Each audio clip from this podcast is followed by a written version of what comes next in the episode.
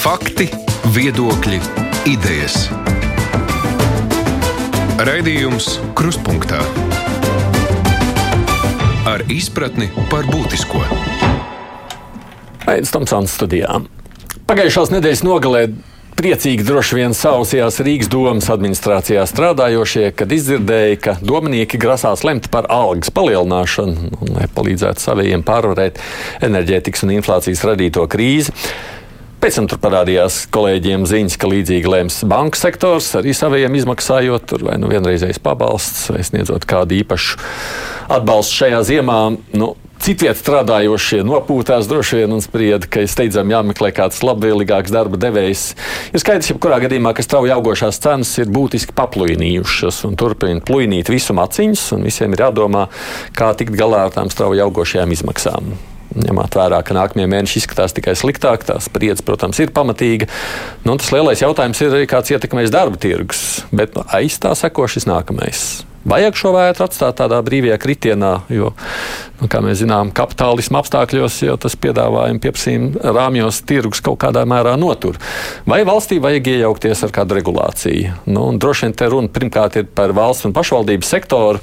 Mēs jau tagad vērojam, ka tās bagātākās iestādes, kas var atļauties, cenšas kaut kādā mērā palielināt atalgojumu, lai noturētu darbiniekus. Nu, nabagākās, protams, nē. Nu, tie spējīgākie dodas labākas samaksas meklējumos, jo nu, citādi rēķins arī nevar nomaksāt. Studijā mums šeit ir divi saimnes deputāti no jaunās vienotības. Neoficiāli patiek minēts kā iespējamais finanšu amata ministra amata kandidāts Arvils Ašrādens. Labdien jums! Labdien. No opozīcijas kādreizējais Finanšu un budžeta komisijas priekšsēdētājs ZZS deputāts Jānis Vucāns. Labdien. Seba bankas makroekonomikas eksperts Dainis Gašpuits. Sveicināti. Labdien. Seba banka ir nolēmusi atbalstīt savējos. Viņiem nauda ir. Nu, un Zoom platformā no Brīvā arotbiedrības savienības mums pievienojies priekšsēdētāja vietniece gan Anda Grīnfelde. Labdien arī jums! Labdien! Nu, savukārt šajā brīdī mēs esam sazvanījuši Rīgas mēru, domas priekšsēdētāju Mārtiņu Staķi. Halo, Staķkungs! Jā, labdien! Jūs celšot algas Rīgas domē, vai ne? Taisnība. Par kuriem cilvēkiem ir runa? Uh, es varbūt sākšu no, no citas puses. Tas, ko iedzīvotājs sagaida no pašvaldības, ir pakalpojumi pietiekami labā kvalitātē un saņemti laikus. Un, lai to izdarītu, ir vajadzīgs noteikti skaits, motivēti un pietiekami labi atalgo darbinieku. Un es speciāli saku pietiekami labi, jo mēs vienmēr saprotam, ka uh, publiskā sektora algas būs mazākas kā privātām. Bet 2021. gada pētījums, ko mēs uz, uh, izpētījām, parādīja, nu, teiktu, tādu uh, briesmīgu ainu, jo atsevišķās algu grupās uh, Rīgas pašvaldības darbinieku atalgojums par 60% atšķīrās no privātā sektora, bet pat 40-45% arī no valsts sektora. Principā kopš 2017. gada atalgojums tā sistemātiski netika pārskatīts, un mūsu uzdevums šobrīd ir, ne tā varētu teikt, darbiniekiem šo parādu atdot.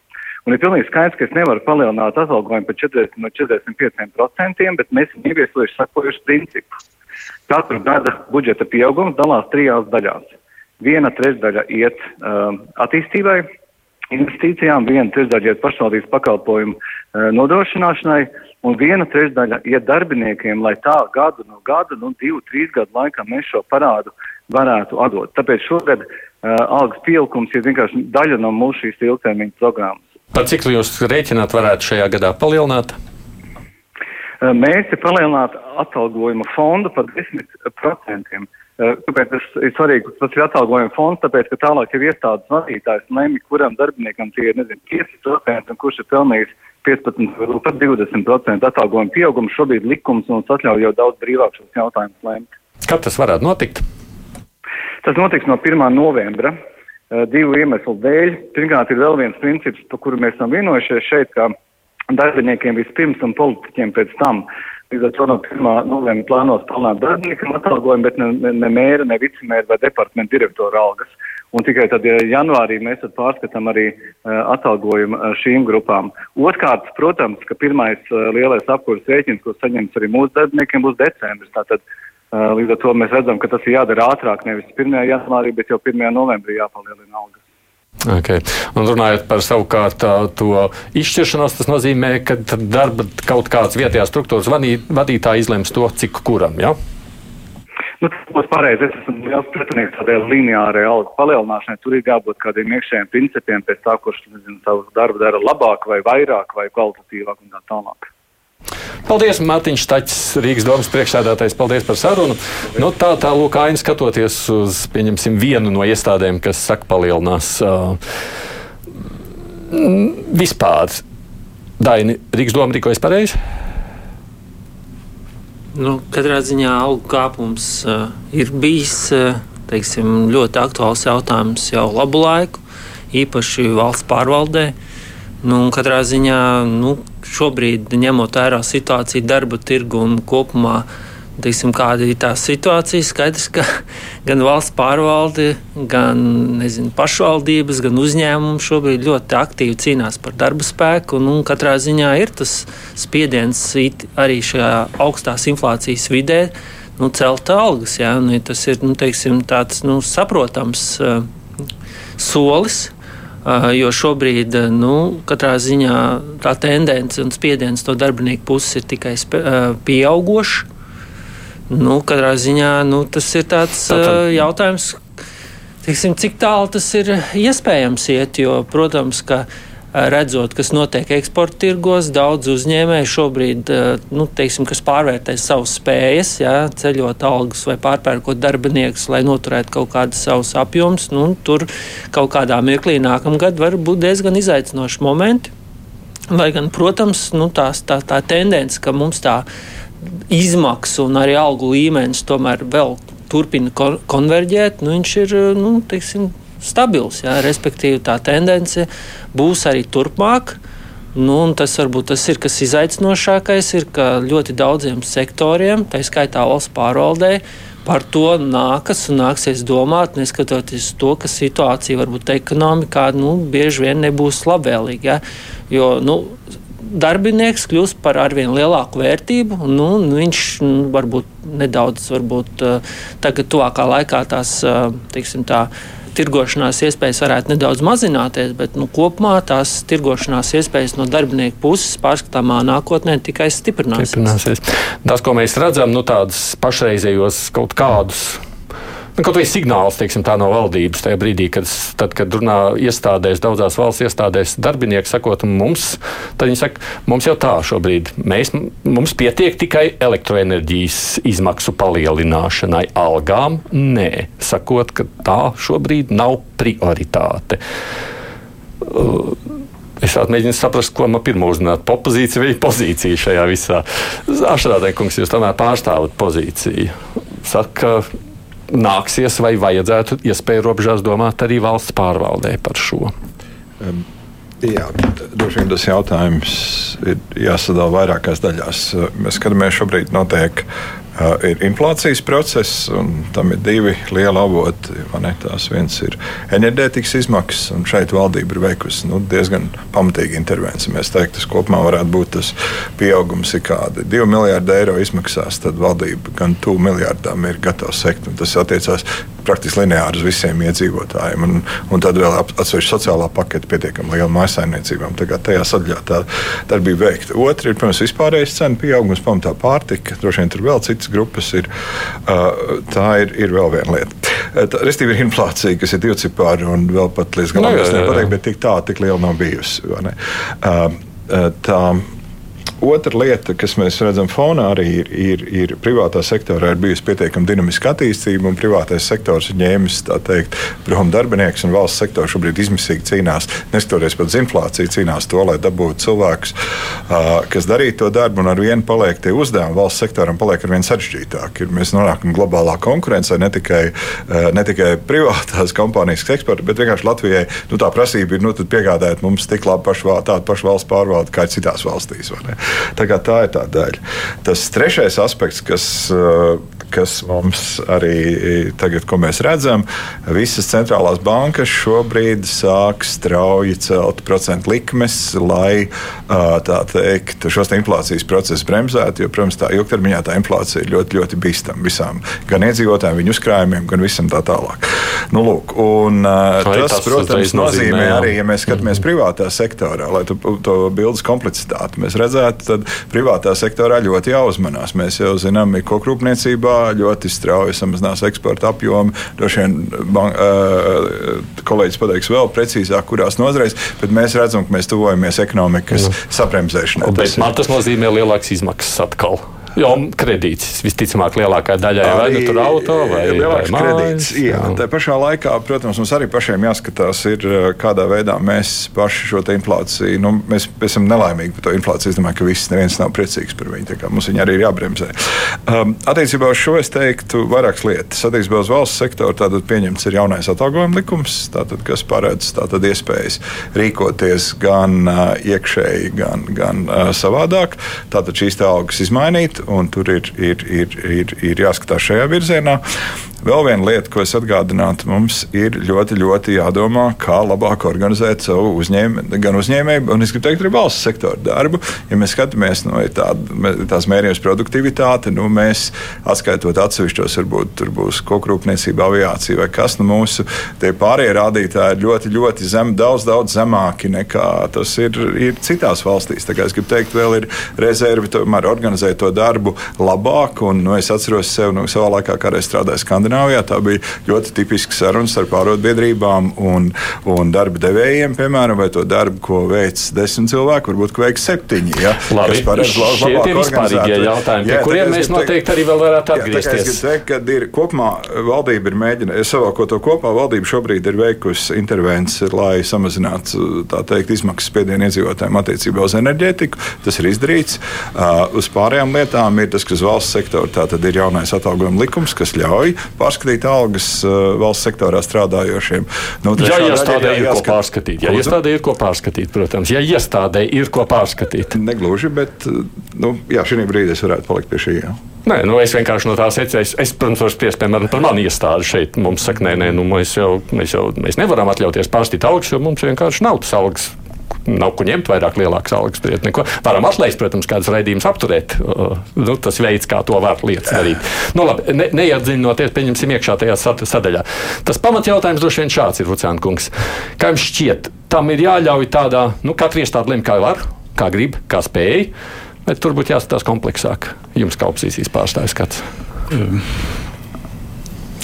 Kolēģi jau iepriekš pateica daudzas pareizas lietas, eh, kuras tiešām šobrīd ir darītas. Un, un, un, eh, Pie tā eh, arī varētu vēl kaut ko piebilst, bet,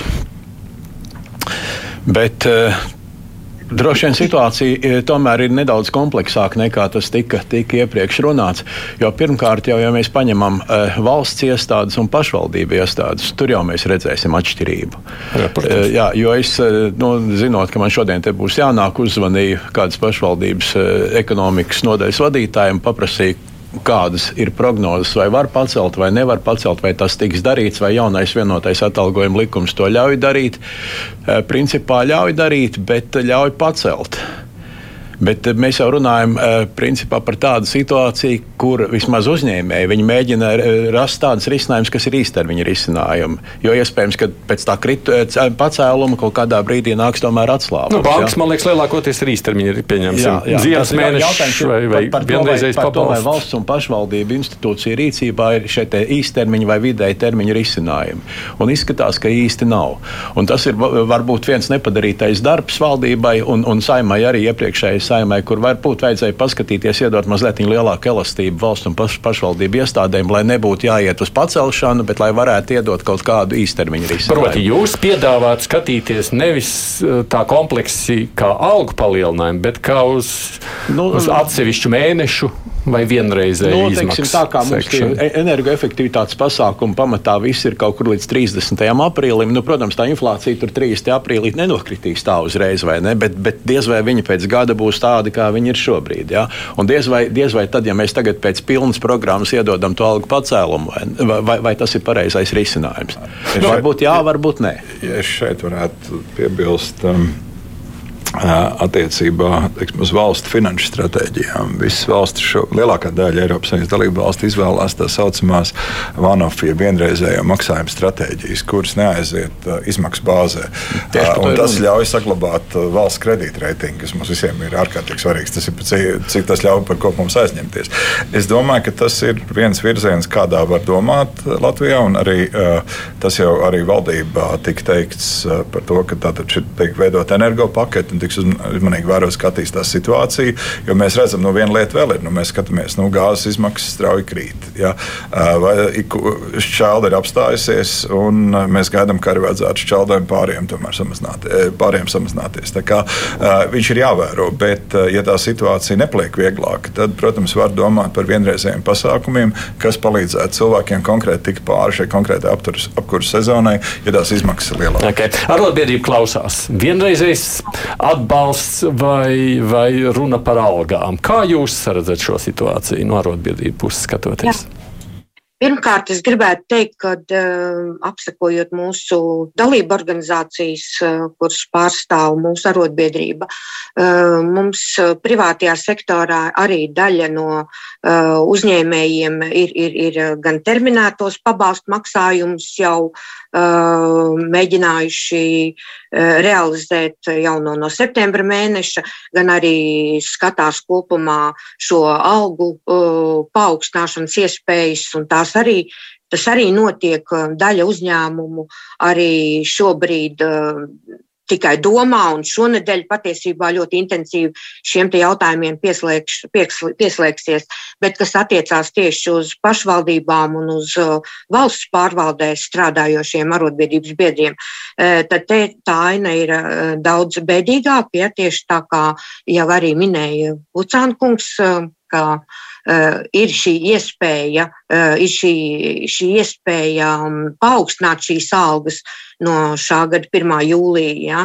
Bet, diemžēl, diemžēl uh, šajās pašvaldībās īpaši šī rocība ir ļoti dažāda. Ja? Ir pašvaldības, kurās jau ir paaugstināts algas, un ir pašvaldības, uh, kuras uh, nu, neredz un, un, un, un nesaskata pat šādu iespēju tieši arī šajā energo krīzes cenu pieauguma apstākļos. Un tas, ko tieši arotbiedrība mēs gribētu, tad pirmām kārtām īstermiņā, protams, mēs atbalstam šos terminētos pabalstu maksājumus, kas būtu šai apkurses sezonā un kas palīdzētu, jāsaka, savilkt jostas mūsu darbiniekiem.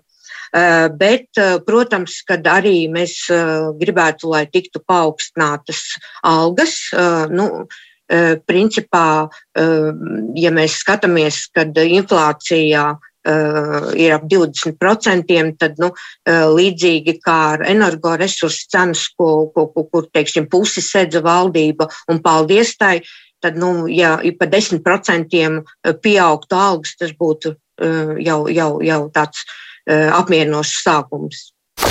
Daini, skatoties tā, nu, kaut kādā perspektīvas, jo viena lieta, protams, ir energoresursi. Nu, ziemā mēs to jūtam vairāk nekā vasarā, par to šaubu nekādu nav. Otra lieta, protams, ir pārtika un tas, kas notiek veikalu cenām, ko neapšaubām viena liela daļa izdzīvotāji izjūt šķiet neatkarīgi no sezonālā rakstura. Kā tas izskatās? Vai tā cerība? Nu, šobrīd kaut kāda 20% inflācija nozīmē, ka nu, tā maksātspēja pa piekto daļu mazāk. Tātad tavu ienākumu pa piekto daļu samazinājušies šajā brīdī. Nu, ne gluži automātiski, jā, jo skaits mēs runājam par cenu, bet uh, respektīvi mums jau pirktspēju. Uh, teikt, deldē vai ietekmē rēķins. Ja? Respektīvi, pat ja siltumenerģijai šobrīd ir augsta cena un ir silta laika apstākļi, mums tas gala rēķins nav nemaz tik augsts ja, šobrīd. Mm -hmm. Tas ir tas būtiskākais. Ja, ja izrādās siltas ziema, tad, protams, tās negatīvās, teiks, augstās inflācijas negatīvā ietekme būs krietni mazāka nekā tad, ja būs augsta ziema. Ja. Tā, arī, tā, tas, tā ietekme arī to, tos līdzinājos 20%. Nu, protams, cilvēki vairāk izjūt tieši pārtiku, jo pārtika pārtikas mm -hmm. cenas. To, nu, teiksim, tā, cilvēki iet uz veikalu biežāk un to redz, un tāpēc visu laiku to, mm. to tas, teiksim, tas diskomforts katru reizi aiziet uz veikalu. Bet, nu, kas varētu būt? Protams, līdz ko situācija enerģijas tirgu stabilizēsies, un visticamāk, arī ir sagaidāms, ka nu, enerģijas cenas tomēr varētu ilgākā termiņā iet uz leju. Ja? Tas, protams, radīs arī to situāciju, ka daļa šīs zaudētās pirktspējas, kas ir šobrīd, mēs viņu atgūsim. Proti, cenām vajadzētu kristies? Īpaši, kas attiecās piemēram uz siltumenerģiju, es teiktu, ka šāda iespēja ir. Jautājums, protams, ir tas, ko mēs nevaram paredzēt, cik, ilgākā, cik ilgā laikā tas notiks un vai tas notiks strauji un cik dziļi. Jā. Jā? Jo šāda iespēja reāli ir. Bet, protams, šajā kontekstā, kas jāsaka, protams, gāzes cena šobrīd ir nedaudz būt atslābinājusi to situāciju, bet tas sarežģītākais posms būs kaut kur janvārs, februārs, kad būs lielākais patēriņš, jo situācija ar gāzi Eiropā joprojām ļoti saspringta un tur tas deficīts potenciāli veidojās. Jā, tas spriedzes moments vēl ir priekšā, kad mēs varam redzēt mm. vēl šos te pīķus. Bet ko es gribu teikt, ka uh, attiecībā uz visiem atbalsta pasākumiem šeit ir jāskatās jau arī caur prizmu uz nākamo sezonu, jo tā situācija attiecībā uz enerģijas, nu, teiksim, siltumenerģiju varētu būt saglabāties pietiekami komplicēta arī nākamajā Jā. sezonā, kas nozīmē to, ka šobrīd uh, jāskatās šis jautājums, ko mēs te aizskārām, algu celšana ilgtermiņā, teiksim, noņemot no šos te, teiksim, īslaicīgos momentus, ja, un tiešām skatoties, kā mēs varam palīdzēt, cik daudz valdība var palīdzēt nu, teiksim, sabiedrībai, cik varbūt valsts pārvaldē un tā tālāk, uh, ieviešot kaut kādus mehānismus, lai šie cilvēki tiktu pāri šīm īslaicīgām, teiksim, tādiem sāsinājumu krīzes momentiem. Es par to īslaicīgu, ilglaicīgo no tāda viedokļa prasu, vai ir cerība, ka pieņemsim tāpat maizi, kas nu, maksā divreiz dārgāk, pēc gada atkal atgriezīsies kaut cik iedzīgākā. Visticamāk, nē, bet es pieļauju, ka var parādīties arī tendences, kad cenas uh, uzrāda arī kritumu. Ja? Jo mēs redzam, ka piemēram tie paši graudi un citas izēvielas ir nu, teiksim, pēc sasniegts augstākiem punktiem ir atgriežies nu, teiksim, krietni normālos līmeņos.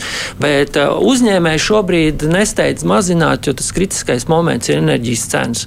Kamēr mēs neredzēsim stabilizāciju enerģijas cenās, tikmēr mēs tādas pārliecinošas tendences uh, nemanīsim. Bet mēs šobrīd redzam, ka daudzām lietām, kā teiksim, apģērbs, elektronika. Ja, šajos Covid krīzes laikos bija ļoti spēcīgs pieprasījums, eh, saražoja, ja, tirgotājs sasūtīja pilnas eh, noliktavas. Mēs redzam, ASV, Eiropā, Skandināvijā tirgotāji šobrīd domā, ko ar to visu iesākt. Tas nozīmē to, ka drīzumā nu, teiksim, tiks mēģināts to visu notirgot ar atlaidēm, jo redzot, ka potenciālais pieprasījums šobrīd vaināsies, daudz, kur mēs redzēsim arī atlaides. Attiecībā uz pārtiku varētu būt līdzīga situācija situācija, bet, protams, to nevaram pateikt konkrēti, kad un kā, ja, cik lielā mērā. Bet, nu, piemēram, tā pati maize. Ja, skaidrs, ka maizē būs iecinots arī pašreizējais un potenciāli nākamais algu pieaugums. Ja, bet uh, parādīsies konkurences iespēja mazināt cenas kaut kādiem produktiem, ja teiksim, šīs te milzīgā komponenta, ja milzīgais uh, enerģijas cenu kāpums, kas šobrīd mēs, mēs apmaksājam, tur parādīsies brīva vieta. Ja. Cik daudz uzņēmēji atstās sev pēļņu? Peļņā, cik gados patērētājiem, nu, tas ir ļoti tas ir konkurences jautājums tā neķeršanās klāt pie algām, bet to darīt kā īstermiņā, turpinot tādu. Jā, jā, tikai jautājumu, vai mēs varam sagaidīt cenu kritumu. Nu, es pastos tagad gāzes, gāzes cenas Eiropas tirgus ir brīdis, kad uh, viņi bija pārsniegusi septembrī tuvu pie 300 eiro par attiecīgu enerģijas vienību. Nu, šobrīd viņi ir 116, nu, un tā bāze bija 70. Ja, tā kā viņi ir būtiski kritusies. Uh, šobrīd lielais jautājums ir Eiropas gāzes krātos, viss ir pilns ar šo ļoti dārgo gāzi. Tas ir diezgan arī tas krāpnis, kas nepietiekoši. Šobrīd arī ir pieejami ir tiešām gā, LNG sašķinātās gāzes kuģi arī gaida izkraušanas iespējas. Tā kā šobrīd vairāk vai mazāk šis jautājums risinās. Tas nozīmē, ka viņš noteikti veidos ietekmi uz elektrības tirgu, jo pamatā elektrību nu, lielais labi ar vien vairāk ražo no, no vēja enerģija, bet tomēr viņa gāze ir tā, kas stabilizē bāzes jaudu šobrīd Eiropā. Tā kā nu, viņš lēnām, lēnām tas sāk sakārtoties. Protams, degvielai ir milzīga ietekme uz ietekmē visu horizontālu tālu elektrību un degvielu, tad mums kaut kur jāved, viss ir kaut kas jāpiegādā. Viņš, protams, šo ietekmē. Nu, tas būs lielais jautājums. Nu, degvielas prognozes rāda, ka nākošais gads vajadzētu būt lielākām nekā šajā brīdī. Tā Vēl visi ir- prognozē šobrīd, pašreizējās prognozes. eh, Labi, tas ir jāskatās, bet Tā. katrā ziņā tā, ko es gribu teikt, tā situācija ir ļoti komplicēta un viņa mainās. Tā, Jā, nu, tas ir tas jautājums lielais. mēnešiem, jā, tā Kāpēc kā- es to jautāju? Jo tas ir tas jautājums, kas ir tā izvēle, vai tas ir īstermiņa, un tas jautājums, ko nozīmē īstermiņa palīdzība. Šo ziemu, kā jūs sakāt, iespējams, nākošu ziemu, Bet- Aleks arī tam līdzīgi. tieši tāpēc tam algu tas- līmenim jāiet, jāsk- skatoties ilgtermiņā, jā, nepārdozējot. Jā, jo uzņēmumi mm. daži, kas ļoti centīsies noturēt par katru cenu vai mēģinās nokompensēt tur algas ar inflācijas apjomu, jā, skaidrs, ka tur vienā mirklī viņi var radīt diezgan liels problēmas. Jā. Līdz ar to tam visam jāskatās ilgtermiņā bez pārspīlējumiem. Mēs to redzam arī Eiropā, un arī arotbiedrības te pašā Skandināvijā, Zviedrijā akceptē un saprot šo visu, un, un diezgan konstruktīvi šīs lietas risinās. Pretēji varbūt, kur tirgus ir ļoti saspīlēts un kur ir tirgus vairāk spēlē, ja pieprasījums piedāvājums darba tirgu, piemēram, ASV, tur, protams, mēs redzam, ka algu pieaugums ir 6-7%, un tādēļ centrālās bankas arī tās procentu likmes ceļ krietni agresīvāk. Ja? Nu, mums arī jāskatās tas konteksts, ja? kad respektīvi eh, neskatoties uz to, ka šis pieprasījums ir un inflācija rada spiedienu uz pirktspēju, un daudziem tā būs izaicinājums. Nu, mums jāskatās tomēr arī, lai mēs neradītu pārliekas nesabalansētības kaut kādos sektoros, arī tajā pašā pā- valsts pārvaldē. Nu Tas ko, tas, ko es gribēju piebilst, no šajā gadījumā mums ir jāskatās uz valsts un, un arī pašvaldībām kā darba devējiem. Un, ja privātajā sektorā darba devējs spēlējās ar uh, algu līmeņiem, lai cilvēki izdzīvotu no vienas puses, lai otr, no otras puses, lai nepārmaksātu, lai pašiem paliktu peļņa, lai, lai cena būtu virs pašizmaksas, viss vis šis savstarpēji saspēlējis, tad tādā gadījumā, lai valsts un pašvaldības noturētu no vienas puses darbiniekus, bet arī eh, tātad, eh, ilgtermiņā nepārmaksātu un savus naudas plūsmas tu- turētu stabil, stabilus, tad eh, tur tiešām, tā kā Dainis teica, ir spēle starp ilgtermiņa risinājumiem un īstermiņa risinājumiem. Ir jāceļ ilgtermiņā, bet nedaudz, un to, tie, tie krīzes brīži ir jāpārvar ar, ar vien, ka risinājumiem. privātais var kaut kā elastīgāk Nu, Tieši tā, pri, privātajam ir šī elastība. Un līdz ar to ir svarīgi, lai arī valstī un pašvaldībai būtu līdzīga veida elastība. Tieši tāpēc jau gadījumā- privātais arī šobrīd eh, pie, ievieš šos īstermiņa risinājumus, lai neradītu bumbu ar mm. teiksim, laika degli ilgākā termiņā, uzaudzējot, kā teica, šī te izmaksu bāzi. Es teiktu, ka arī valsts sektoram drusciņi vajadzētu padomāt par elastību. Tomēr atļaut šo te diskusiju. Varbūt ka mēs varam ar mazāku cilvēku skaitu tikt galā un izdarīt daudz efektīvākas lietas. Jo es pie valsts iestādēm ļoti maz redzu, ka kāds mērīt, vai mēs tiešām to darām pietiekami efektīvi. Mēs pareizi organizējam cilvēkus, izmantojam tehnoloģijas, vispārējo, lai tiešām varētu palielināt tiem, kas dara pamatdarbu, palielināt darba Nu, Protams, val- valsts iestādēm šobrīd ir dotas brīvība pašiem to izlemt un darīt. Precīzi, jā, un man liekas, ka tas arī dos resursus, ja tā debata attīstītos. Es tiešām tur pašlaik ir publiskā sektora pietiekami ilgu laiku strādāju. Tur vajadz, varētu nākt ļoti interesanti notikumi ārā. Jo tā visi saka, nu, jā, nu, ko mēs te, tā mums tas saliks pa tiem departamentiem, tur mēs esam salikt, ko mēs varam mainīt. Ja tas mehānisms iedarbina un sāk runāt par to darbinieku, varbūt mēs varam organizēties pilnīgi savādāk. Varbūt mēs to darbu daram, varam darīt savādāk un tā tālāk. Tas, tas var dot milzīgi resursi. Esmu tiešām citās valstīs to pieredzējis, un, un tur ir vēl milzīgas iespējas. Šis jautājums ir arotbiedrībām. Cik daudz arotbiedrības tiek iesaistītas vai ir gatavas šādās diskusijās ar, ar nu, kaut vai šajā pašā valsts pārvaldē vai arī pašvaldībās, sakot, labi, pārskatām visus resursus, samazinām darbinieku skaitu, kādus atlaižam, pāriem ceļam algas. Jā, protams, arotbiedrības ir vienmēr gatavas būt šis te vidutājs, lai sabalansētu šīs eh, darbinieku prasības un darba devēja iespējas. Šajā reizē, eh, nu, šajā gadījumā, ja runa tieši par pašvaldībām, varbūt eh, arotbiedrības ir gatavas par to diskutēt. Arotbiedrības eh, katrā ziņā eh, domā par to un, un motivē savus arotbiedrības biedrus, lai viņi ir uh, lojāli darba devējiem, bet savukārt mēs gaidām, ka darba devējs arī būs uh, ar, ar tādu zināmu empātijas pakāpi pret darbinieku. Un līdz ar to šajā gadījumā uh, nu, ir jādomā gan par, gan, gan par šo ilgtermiņa algu paaugstināšanu. Nu, man, diemžēl, bet atkal jāmin ir šī Lietuva un Igaunija. Lietuva īpaši ja, ir, ir, ir, ir priekšplānā izvirzījusies gan, gan vidējā vidējās algas apmērā, gan, gan minimālās algas apmērā, bet mūsu pašvaldībās vēl liela daļa tomēr darba ņēmēju nodarbināto saņem minimālo algu, un par to vēl šobrīd iet, iet diskusija, vai vajadzētu vai nevajadzētu to paaugstināt, ja, kas katrā ziņā no arotbiedrības puses ir ļoti satraucoši, un mēs uzskatām, ka risināt problēmas uz pašu mazāk atalgot no mazāk atalgoto darbinieku rēķina gan ir, ir pilnīgi nepieņemami. Tātad arotbiedrības ir gatavas un sēž pie galda un risina šos jautājumus. Mēs meklējam arī dažādus citus nu, teiksim, veidus, kādā veidā pārvarēt šo krīzi, teiksim, aicinam arī uz šīm te darba formu izskatīšanu, uz patstāvīgu vai daļēji attālinātā darba iespējām, kur apusēji ir izdevīgi, teiksim, var šos te resursus ietaupīt gan darba devējs, gan arī uz transportu ietaupīt darba ņēmējs.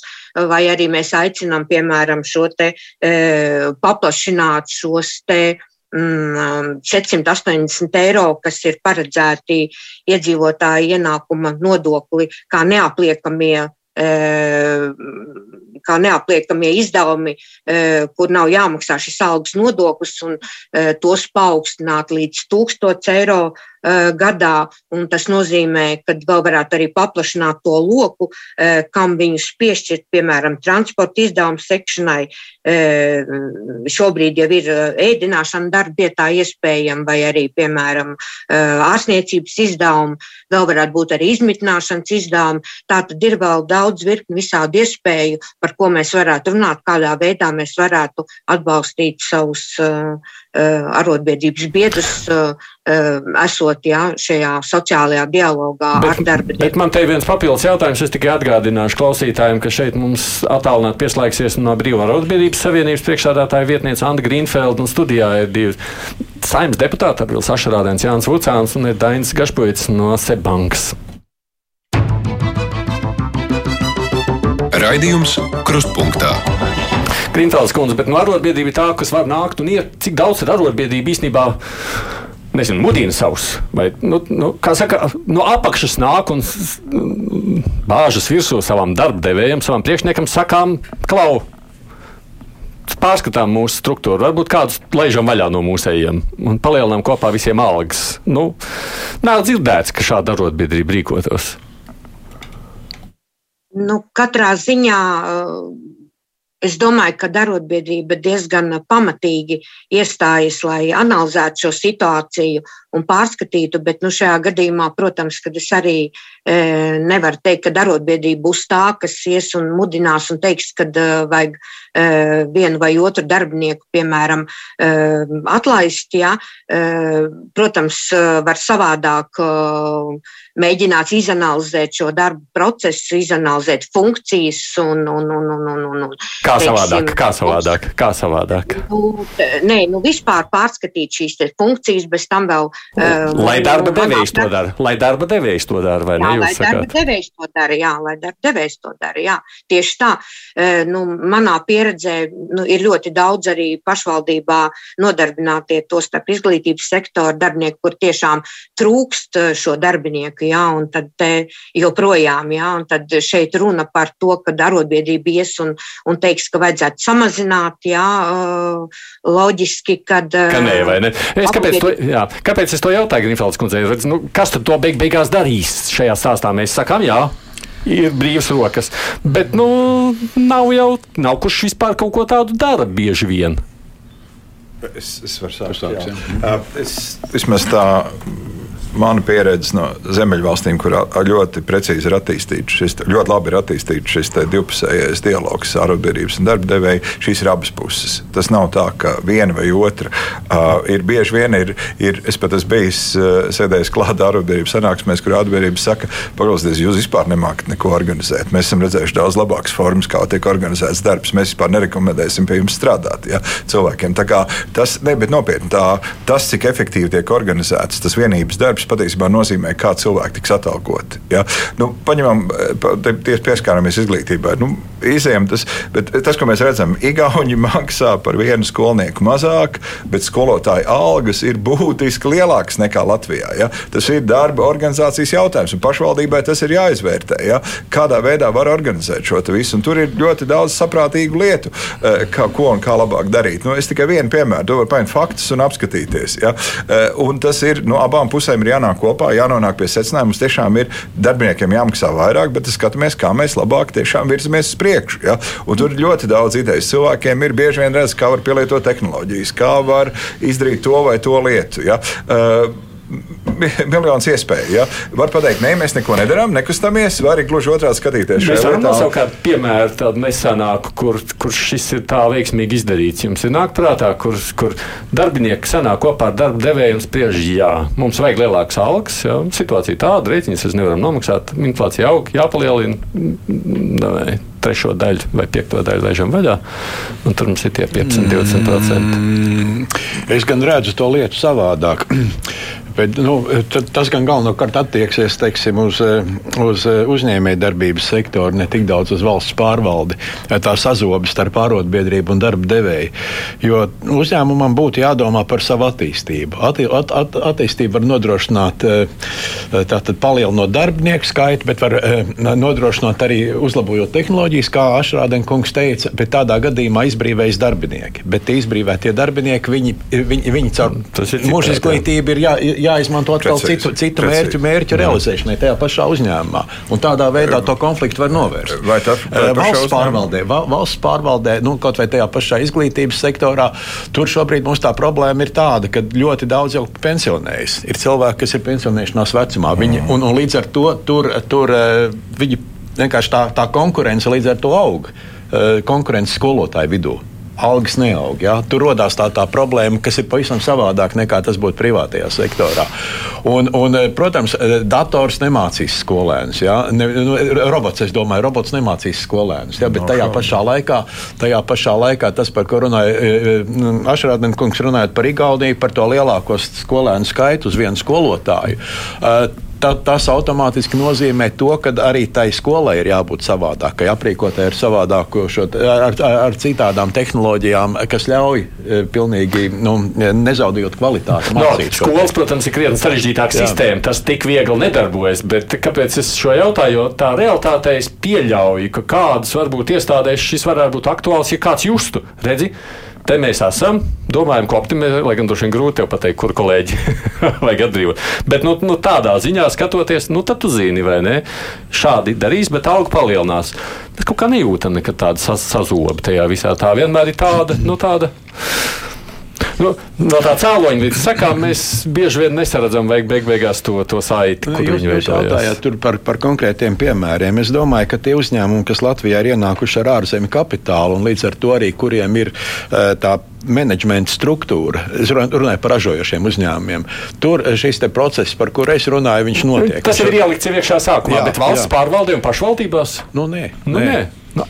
Ko Tur jābūt arī cilvēkiem ieinteresētiem, jo bieži vien jau nu, bez, bez cilvēku pašiniciatīvas tur nekas īsti nesanāk. Bet no otras puses arī tā, ka, ja tev viss ir apmierināts, nu, teiksim, tu esi tajā vidē iejuties. Nu, tev ļoti grūti ar viņu, tev jā, arī, jā, ja tā teikt, jāveic maza revolūcija un jāpārliecina kolēģi, un kas bieži vien noved pie tādiem iekšējiem konfliktiem, kādēļ es domāju, tas ir diezgan, nu, ja tā teikt, maziespējami, ko mēs, protams, tas būtu viss loģiski, un mēs visi sabiedrība visi to gribētu, lai tas tā sanāktu. Ja? Bet bieži vien tas m, mm, prasa diezgan nu, teiksim, tādu mm, teiksim, negatīvu posmu uzņēmumu dzīvē, ja? kad atnāk kāds, kas pārmaina, jo nu, nevienam tās pārmaiņas īsti nepatīk. Ja, neviens neuzņem ne ar kādu sajūsmu, jo tas vienmēr rada nedrošību, stresu. Pat ja tas it kā solīt lielāku atalgojumu, ja, un vienmēr parādās jautājums, kurš būs liekais, vai es tikšu galā.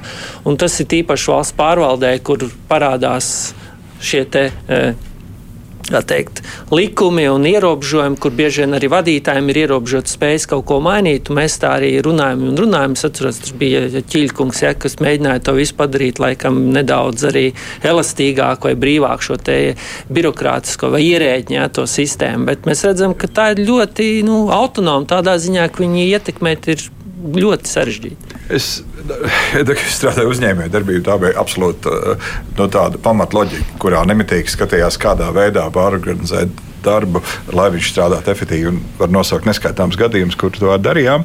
Bet, ja mēs apstāmies kaut kādā valsts pārvaldi, nu, tagad strādājot pie valdības deklarācijas pamatposlādiem, nu, viena no lietām - ministrija, piemēram, vienot uzskaitas sistēma, ja, kas pašlaik ir katrai ministrijai ir sava saimniecība. Ja.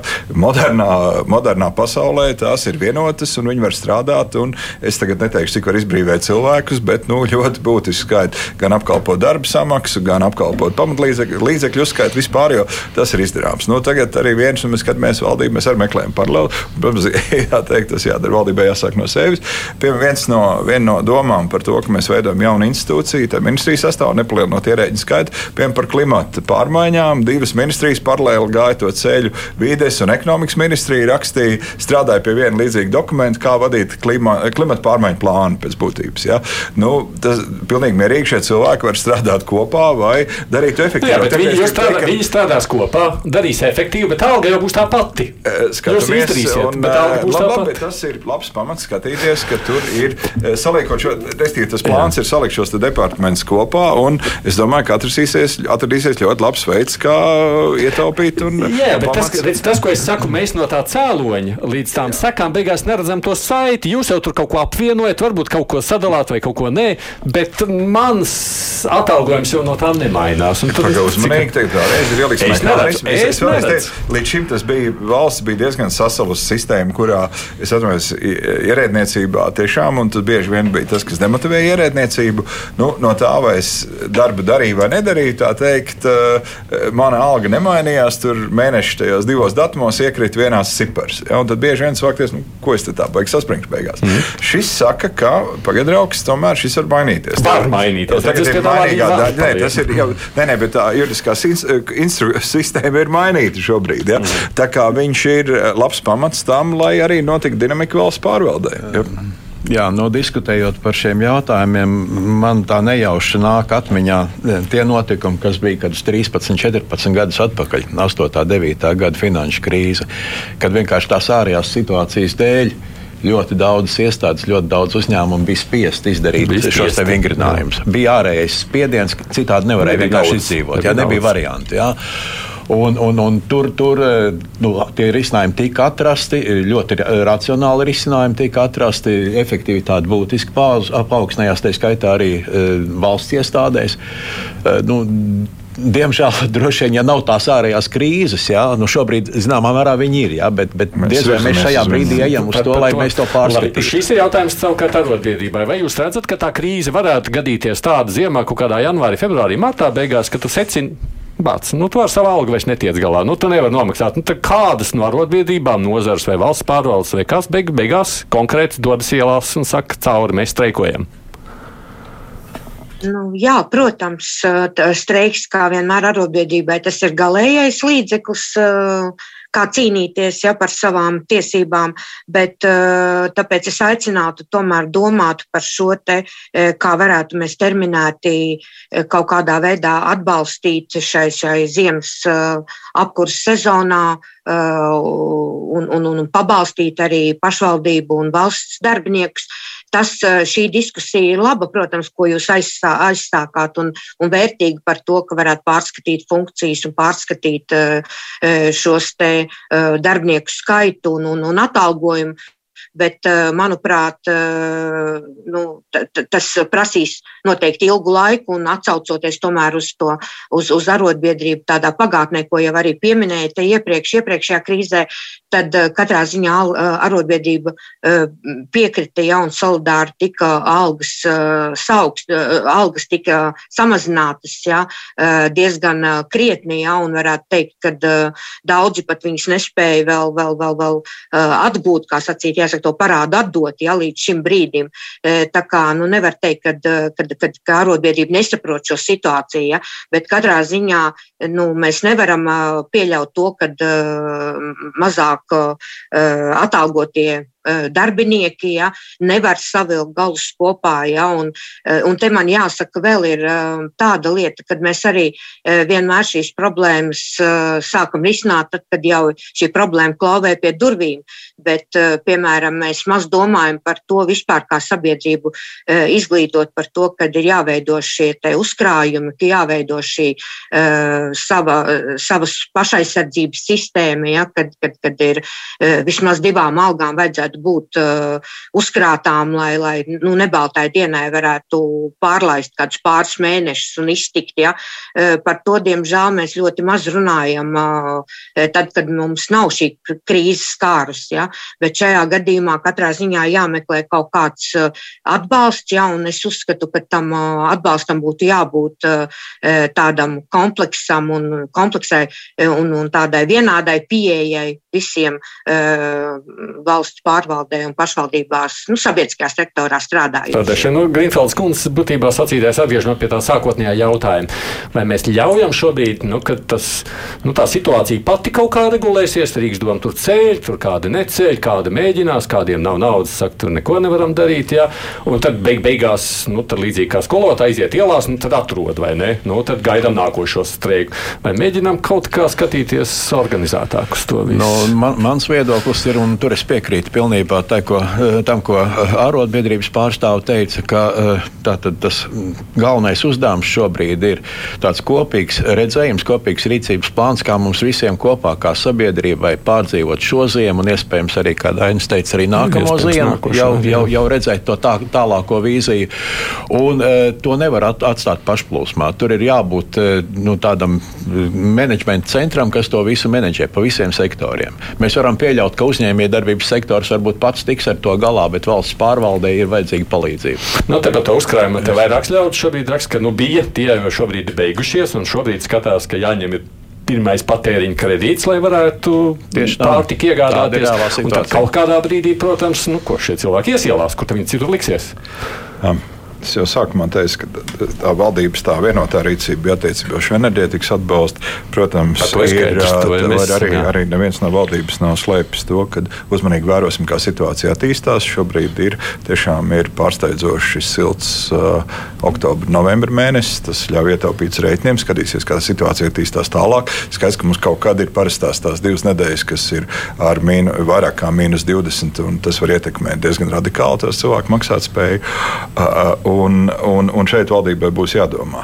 Es tikai vienu gribu teikt, ka tomēr ir darba devējiem par šo ir jādomā. Un es, mēs runājam par pašvaldību. Jūs sakat, ka tas jāatstāj katram pašam tādam nē, nē, nē, uzmanīgi. Nē, nē, nē, skats, mēs skatīsimies no valdības puses, kas būtu efektīva rīcība. To nav šaubu. Bet viena lieta ir, nu, par darba devējiem ir ļoti, ļoti jādomā. Un es vienkārši gribu uh, teikt kaut vai divus piemērus. Nu, piemēram, viena Valmieras pašvaldība, kur teiksim, sen ir apvienojusi visus dienestus, ir atradusi veidu, kā tiem, kas paliek, tiem cilvēkiem gan bibliotekās, gan visur citur organizēt organizēt atbilstoši darba samaksas. Citās pašvaldībās, eh, teiksim, tā, piemēram, skolu tīkls 40% pašvaldības ļoti sekmīgi kārto. Pārējiem ir pilnīgi vienalga, nekas nekustās. Ja? Eh, līdzīgi ir pat pašvaldībām, kuras ar dienestu apvienošanas no tiem eh, tur, nu, es nezinu, var tāls novad minēt. Tur joprojām pagasta būvvaldes priekšnieks staigā apkārt, kaut gan sen varēja būt vienota būvvalde, kas strādātu visā novadā. Ja? Un, un, un neskaitām dienestu vēl joprojām nav apvienoti un nav pabeigti. Ja? Vienkārši kaut kāda muļāšanās notiek. Ja? Un, un tam darba devējiem ir jāatbild par to, ka viņš efektīvi organizē darbus. Jā, es gribu teikt, nu, ir, ir, es nezinu, ko tad centrāli var izdarīt. Nu, nevar nokomandēt tagad šitā. Ja? Nu, skaidrs, ka tiem cilvēkiem, kas organizē to pašvaldību darbu, ir jādomā, kā viņi to dara efektīvi. Ja? Ne, ne. Uh, un, un tā, bet bez skaidrs, ka cilvēkiem palīdzēsim. Un, un palīdzējām un palīdzēsim. Ne, ja? Un, ja viens brīdis iestāsies, kad būs kritiski, tad domāsim par radikālu veidu. Radikālu veidu es, es runāju, ka ir jābūt informācijai par to, ka, eh, kad ir šis kritiskie brīži parādās, Jā. kur ir tie cilvēki, eh, kuriem eh, tā situācija šajā konkrētajā brīdī ir jā, jāsniedz. Nevis jāgaida tur kaut kāds februāris vai marts, kad mēs viņiem kaut ko beidzot iesnie, no, piešķirsim vai ne.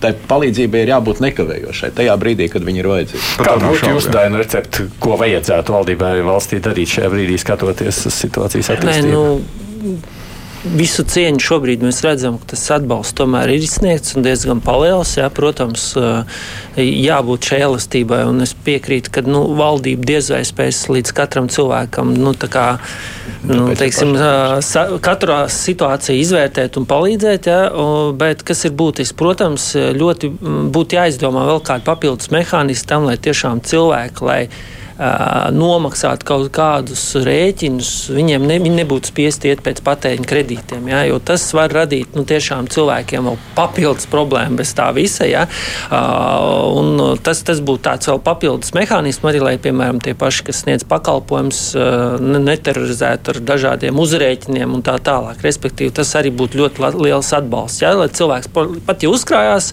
parāds, ok, bet viņš bez stresa redz kaut kā sakārto, izrunā ar šo savu pakalpojumu sniedzēju, kā viņš nomaksās. Ja?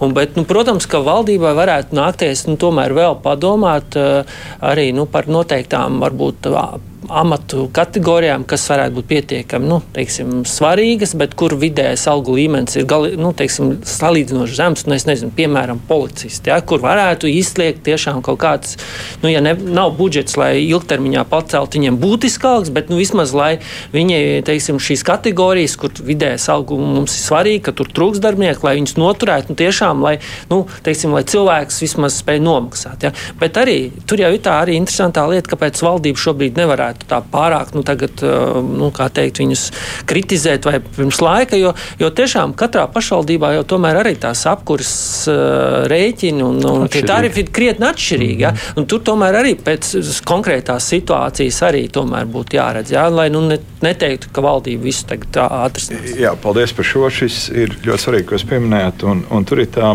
viena svarīga lieta, teiksim, tā, 1000 eiro alga var būt ļoti relatīva. Vienam jaunam puisim, kurš dzīvo vecpuisī, tie 1000 eiro būs ļoti labs ienākums, sanāks aliņam visam citam. Ja tā būs mamma ar diviem bērniem, tad tā situācija būs pilnīgi cita. Mēs redzēsim pilnīgi citu situāciju. Un tas, kas šķiet vairāk vai mazāk tais valdības veidošanas sarunās, mēs esam nonākuši pie tā saucamā angļu mīnas. Tas, tas ir restīvi. Um, sākt veidot uzskaitas un datubāzes, kas saka ne tikai individu līmenī, bet mājasemniecību mā, līmenī, kas mēģina pateikt, kādā stāvoklī mēs atrodamies, jo mēs nonāksim vienā situācijā ar malku. Mēs nezinām, cik cilvēkiem ir malka, cik nav, vai, vai kāds, kādā, kādā situācijā tā aizsardzība atrodas. Ja? Un, un kuram jāpērk, un kuram pašam mēs nu, jā, un, tā, teikt, jā, un tad ir, mēs skatīsimies, protams, ļoti sarežģīts uzdevums, bet es domāju, ka, ja mums izdotos īsā periodā radīt kaut kādu sistēmu, kas ļautu pateikt, kā tie cilvēkiem, no, nu, piemēram, jūs pieminētais gadījums, ar, ir tiešām ģimenei iespējams ienākumi ir mazāki. Ja tas skatītos, kas, ja mēs atbalstam, jo tiešām, nu, piemēram, šobrīd to siltumu atbalstu, nu, es nedomāju, ka Mārupē un visā pierīgā ir nabadzīgākie iedzīvotāji dzīvo valstī. Ja? Bet savukārt, ja mēs skatāmies no valsts atbalsta proporcijas, nu, mēs dodam tur tas atbalsts, cik tur ir gāzes apkūra, tur viņš ir vislielākais. Mēs skatāmies vienu individu. Ja? Būtu jābūt pretēji. Tam jādod tā valsts pabalsts tiem, kam trūkst. Es mēģināšu tomēr salikt kopā, ja man tikai pāris minūtes nepilnas, bet ir palikuši tajā visā sadaļā. Par enerģētiku vairāk vai mazāk patiešām daudz tiek domāts, un es domāju, ir vēl tiks domāts šajā sadaļā. Tas, kas vienmēr paliek pāri, tā ir tā pārtika, jeb tā sadaļa, kurai varbūt kādai daļai pat pieņemsim, enerģētika nav aktuāla, jo viņam ir tiešām māja un mežs, varbūt viņš kurina savu malku, un tur viss ir kārtībā. Bet, protams, ka tā pārtika paliek dārgāka. Tas, ko es no jums secinu, algas visticamāk visiem, pieņemsim, valsts pārvaldē vai tam līdzīgi vienkārši celt augšā nebūtu pareizi. Tur katra iestāde dara pa savam.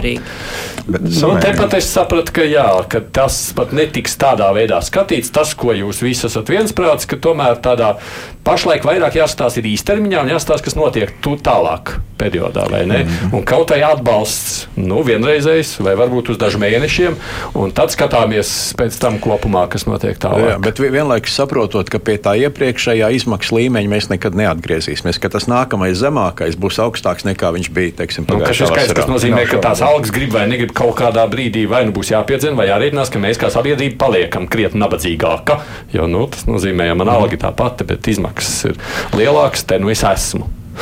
Nu, tāds ir secinājums, sakot, paldies par piedalīšanos un sekojam līdzi. Nu, jaunās valdības jau ļoti daudz ko gaidīs šajā sakarā. Gribētu cerēt, ka ziema nepaiet tiešām mums uz ielām. Brīvārotbiedrības savienības priekšsēdētāja vietniece Anna Grīnfeld bija mums pievienojusies attālināti. Paldies par sarunu jums.